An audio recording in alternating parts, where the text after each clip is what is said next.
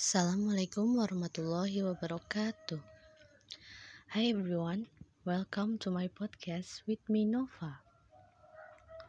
So today, I'm going to talk about self-confidence.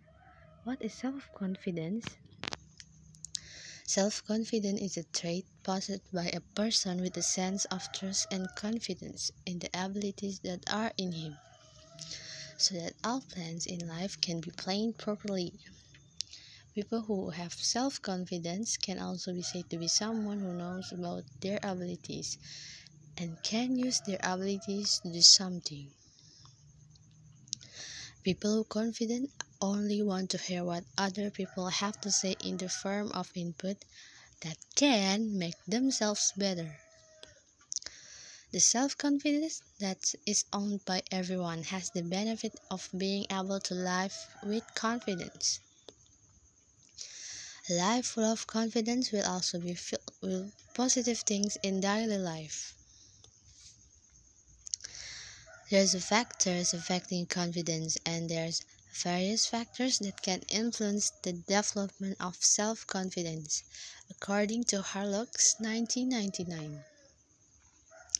Include the following is 1. Parenting 2. Maturity of age 3. Gender 5. Physical appearance.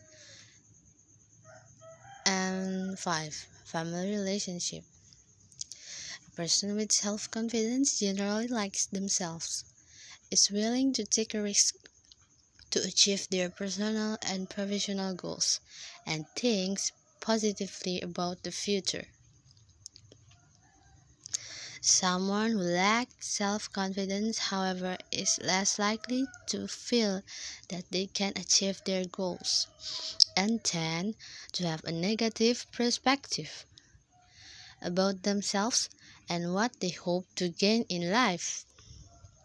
The good news is that self confidence is something you can improve. Building self confidence requires you to cultivate a positive attitude about yourself and your social interaction, while also learning to deal with any negative emotions that arise and practicing greater self care. You should learn to set goals and take a risk as well, since meeting challenge can further improve your self confidence. So, how to build a self confidence? This is the tips for you. 1. Identify your negative talk. Your negative talk might sound like this I can't do that. I will surely fail, or no one to hear what I have to say. This inner voice is pessimistic and unhelpful and will hold you back from achieving high self esteem and greater self confidence. 2. Identify your talents. Everyone is good at something, so discover the things at which you excel and then focus on your talents. Give yourself permission to take pride in them. Express yourself, whether it's through art, music, writing, or dancing. Find something you enjoy and cultivate a talent to go with your interests. 3. Take pride in yourself. Not only should you feel proud of your talent or your skills, but you should also think about the things that make your personality great.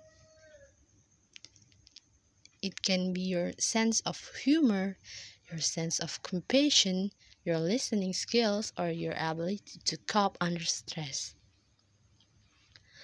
You may not think that there's anything about your personality worth admiring, but if you dig deep, you'll realize that you have plenty of admirable qualities. Focus on them by writing them down. 4. Stop comparing yourselves to others. If you want to build your self-confidence, then you have to focus on improving your own life for the better, not on making your life more like your best friends your older brothers are like those of the celebrities you see on the television. If you want to build up your confidence, then you need to know that there will always be someone who is prettier, smarter, and richer than you. Just like there will always be someone who is less attractive, less intelligent, and less wealthy than you are. All of this is irrelevant. And what is irrelevant? What and what is relevant? Relevant is caring about advancing your own goals and dreams. And the last one, look in the mirror and smile.